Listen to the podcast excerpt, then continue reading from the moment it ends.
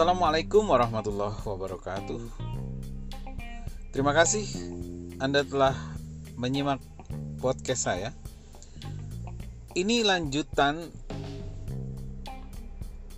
podcast pencitraan sekolah pertama tentang sebuah sekolah yang top markotop di ibu kota negeri Paman Besut yang sebutannya ada kata teladan itu ngetop di tahun 70-an hingga 80-an dan alumninya kemudian menjadi orang-orang besar di negeri Paman Besut. Tapi kalau Anda searching di Google hari ini tentang sekolah itu yang letaknya tidak jauh di, dari Jalan Sudarman, ibu kota negeri Paman Besut, hasil searchingnya hingga hari ini mayoritas berisi berita-berita yang tidak menyenangkan dari mass media. Apakah sepanjang puluhan tahun sekolah berdiri didominasi oleh kejadian tidak menyenangkan? Tentu tidak.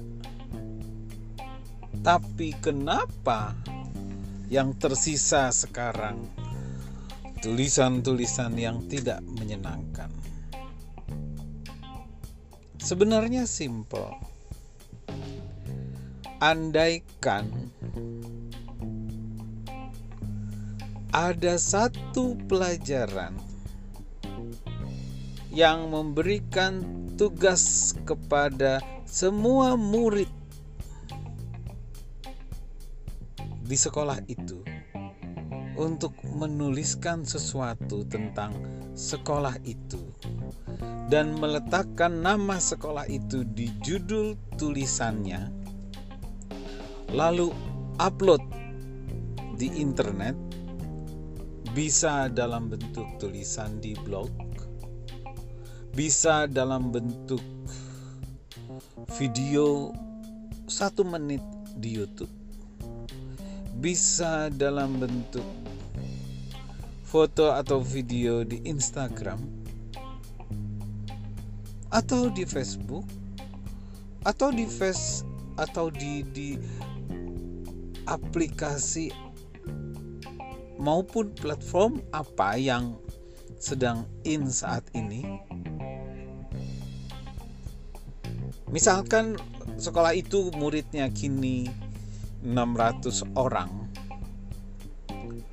Andaikan satu guru menugaskan kepada semua murid untuk memproduksi satu konten dengan menuliskan nama sekolah di judul konten itu akan ada 600 posting yang nyangkut di Google. Dan berapa pelajaran yang ada di sekolah itu perangkatan. Andaikan ada 10 pelajaran dan setiap pelajaran memberikan tugas tiga kali saja. Satu tahun dari 600 muridnya akan ada jumlah konten sebanyak 3 kali 600 1800 konten yang nyangkut di Google dan ketika Anda searching nama sekolah itu tulisan-tulisan buruk dari media yang mengabarkan kejadian-kejadian buruk akan tenggelam dari di antara ribuan tulisan tulisan yang diproduksi oleh murid untuk mengejar nilai dari guru-gurunya. Andai setiap tahun setiap guru memberikan tugas dan kemudian diupload di internet Saya perkirakan dalam waktu dua atau tiga tahun informasi-informasi buruk itu akan tenggelam dan anak murid pasti akan memproduksi tulisan yang bagus sesuai dengan instruksi dari gurunya karena ya sebaiknya guru melihat uh, secara sampling atau overview tulisan tulisan-tulisan anak apalagi anak-anak yang punya potensi menulis. Tidak baik itu kan bisa deteksi dideteksi di kelas. Akibatnya, tulisan-tulisan yang tayang di dunia maya adalah tulisan-tulisan yang terkonsep. Dan positif isinya.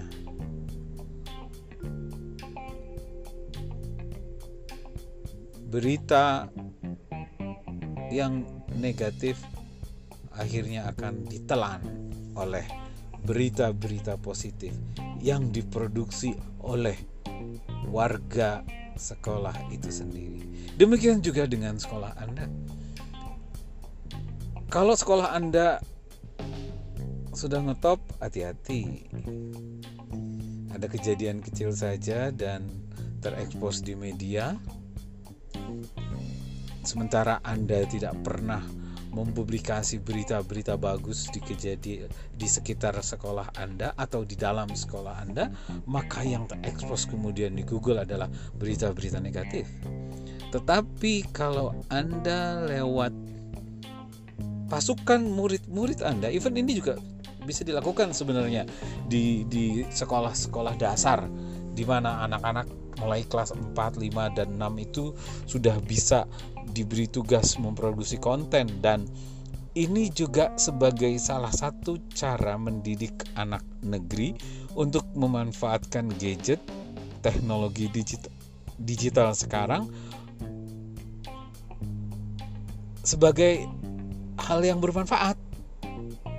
Jangan karena kita takut hal yang negatif kemudian anak dilarang membawa handphone ke kelas, tetapi kita tidak membiasakan mereka dengan budaya produktif yang positif dan bahkan bisa mempromosikan sekolah. Jika sekolah Anda isinya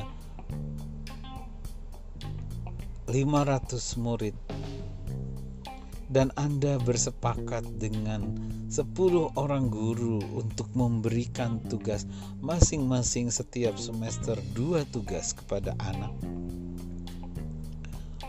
Maka 10 kali 2 20 kali 2 semester 40 kali 500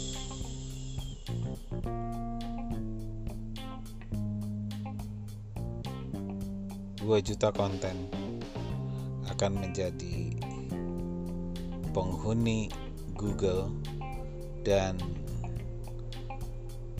nikmati bahagianya. Anda telah memanfaatkan teknologi untuk kebaikan, dan sesungguhnya sepanjang sekolah berlangsung, banyak konten yang bisa kita ungkap, misalnya ada guru baru, ada guru pensiun, ada guru yang ulang tahun, kepala sekolah baru, kepala sekolah berpindah, anak yang juara, anak yang cantik, anak yang prihatin hidupnya tapi semangat, anak yang paling rapi, anak yang paling bersemangat, anak uh, taman sekolah yang bagus, ring basket yang baru direhab, kelas yang terindah, kamar mandi yang bagus. Kayaknya 365 hari andaikan satu hari satu konten itu bisa jadi sumber berita yang bisa dituliskan, bisa diproduksi videonya.